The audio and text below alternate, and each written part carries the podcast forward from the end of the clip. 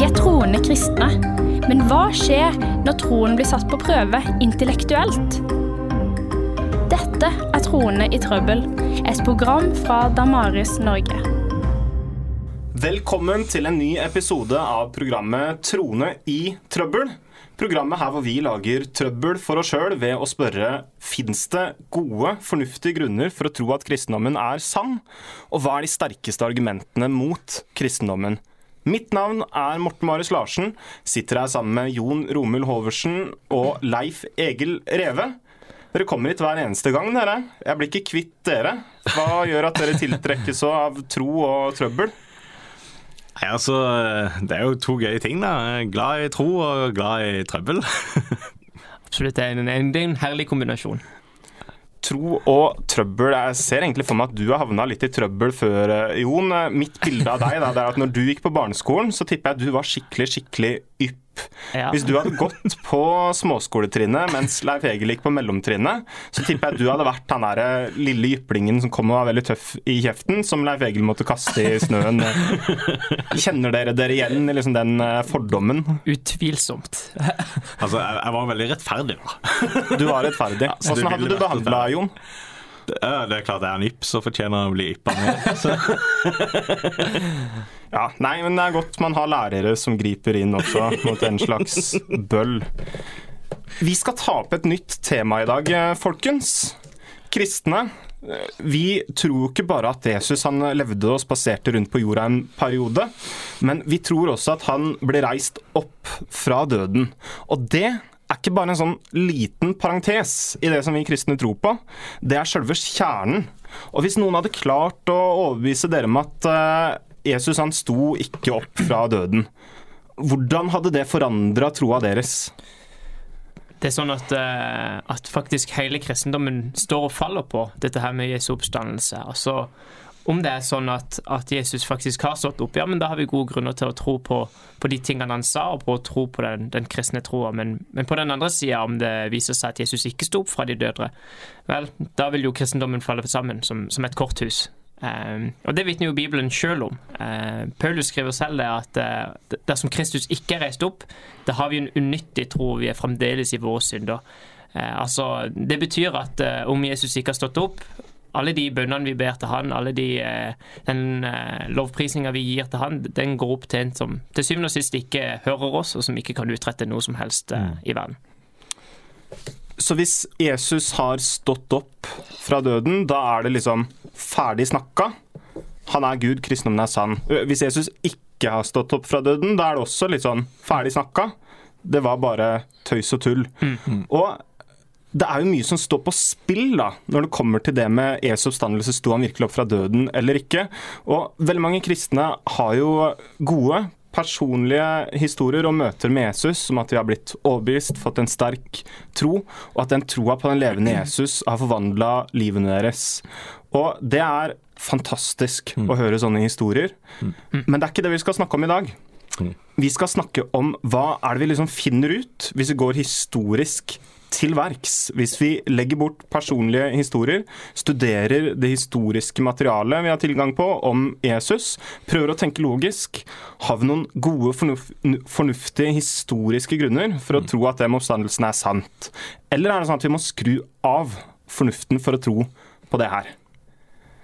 Så det er det vi skal prate om. Hvor ville dere begynt? Altså, eh, det er jo mange måter å, å begynne en sånn samtale på, da. Eh, Men jeg tenker kanskje at eh, vi kan begynne med litt sånn Hva er noen helt sentrale fakta som må til?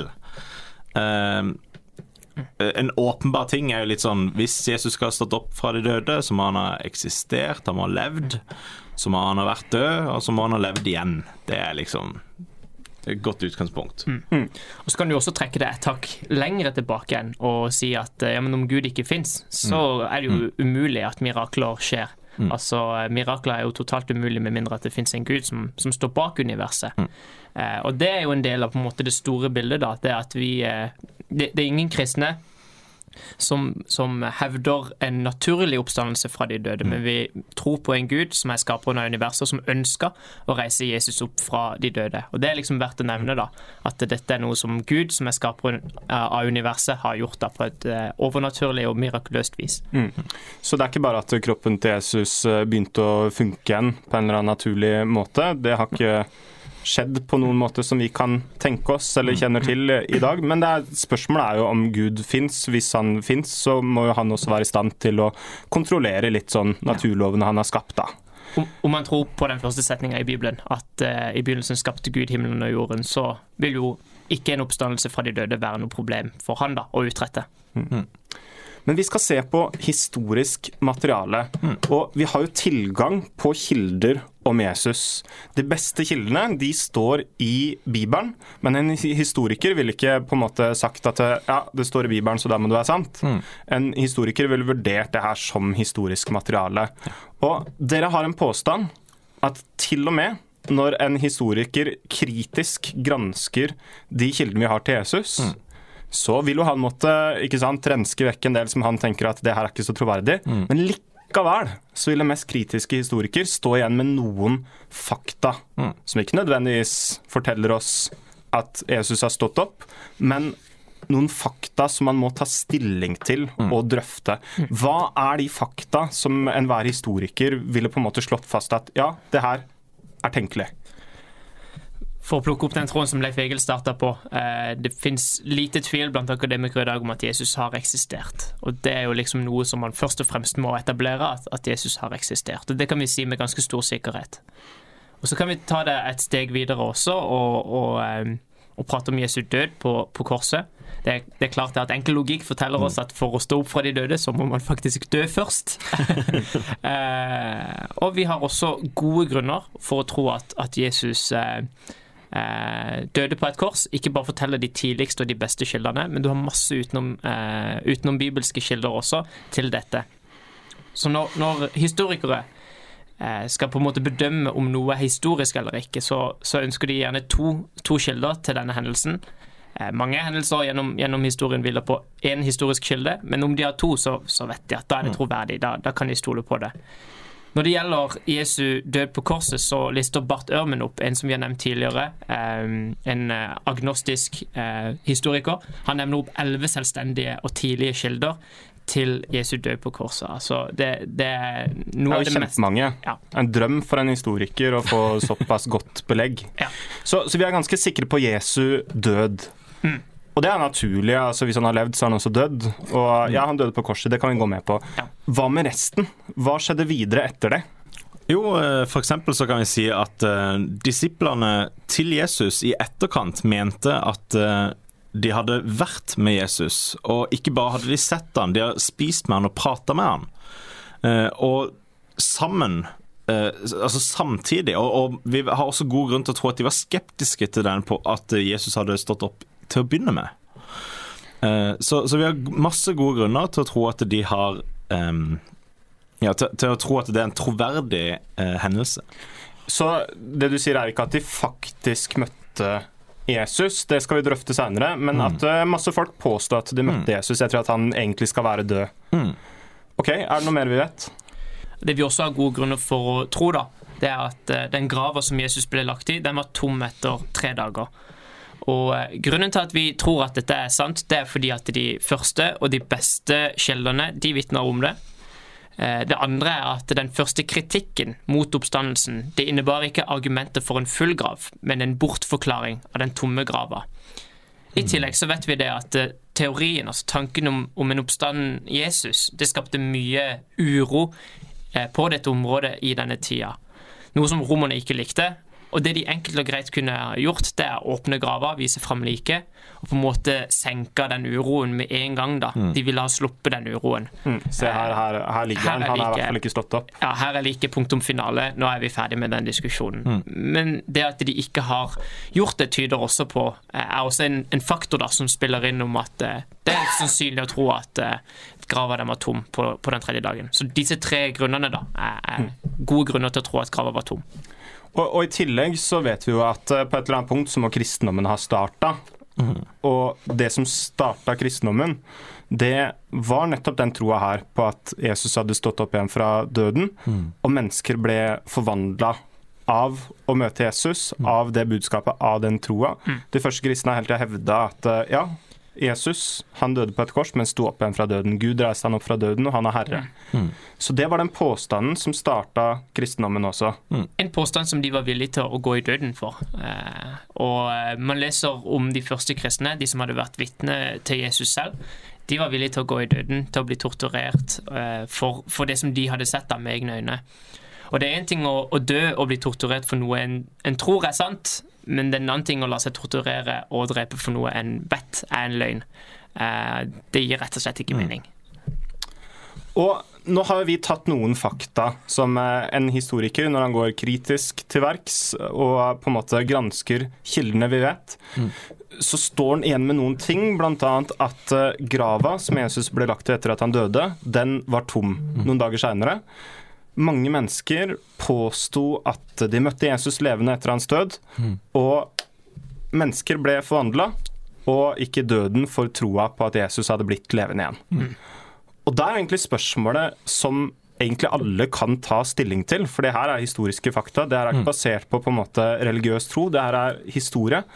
Og nå så skal vi snakke om de faktaene. Altså, hva betyr det her, og hvordan kan vi forklare det? Går det an å finne noen bedre forklaring enn at Gud reiste Jesus opp fra døden? Og vi skal starte med den tomme grava. Grava, ja, den var tom på et eller annet punkt. Hvorfor var den tom? Var det fordi Jesus hadde stått opp, eller finner vi noen annen forklaring? Og Nå skal jeg stille dere noen litt sånne kritiske innvendinger. Kan det ikke bare ha vært at noen noen flytta på liket, og så kommer disiplene til Jesus til grava, ser at grava er tom og roper 'halleluja, han er stått opp', men egentlig så var det bare at nei, administrasjonen i eh, området der gjorde at eh, nå må dette liket flyttes til et annet sted. Kan ikke det ha vært greia? Altså eh, det kan, men det forklarer jo ingenting. Eh, vi har akkurat sagt at disiplene hevda at de At de hadde sett Jesus etter hans død. Ja. Mm. og og at de spiste sammen med og var sammen med han og alt mulig. Og, det forklarer ikke denne teorien i det hele tatt. Og i hvert fall ikke at de skal være villige til å dø for å si noe sånn. Uh, det, det gir ingen mening. Kan det hende at uh, disiplene Her er det en konspirasjon. De har stjålet liket for å kunne fortelle denne historien om at Jesus har stått opp igjen, sånn at de kan ha en tom grav å vise til. Altså det, det er absolutt en mulighet, men jeg syns ikke det er en god løsning på de historiske faktaene vi, vi har. Eh, de, altså Om man skal stjele noe, eh, så har man jo et motiv. Spesielt når vi vet at det var ganske alvorlige straffer for å stjele lik på denne tida. Det betyr altså at, at disiplene måtte ha et ganske stort motiv for å stjele dette liket. Et motiv som er vanskelig å finne når man leser om, om, eh, om disiplene. Eh, I tillegg så, så gir det ikke helt mening hvorfor noen skulle velge å eh, gå i døden for en løgn de selv hadde forårsaka ved å stjele dette, dette liket. Det henger liksom ikke på greip, da. Så jeg syns ikke at denne teorien har god nok forklaringsomfang eller forklaringskraft til de eh, faktaene som vi, vi nevner. Ok, Så det er ikke sikkert at de stjal liket med vilje og jugde om det etterpå.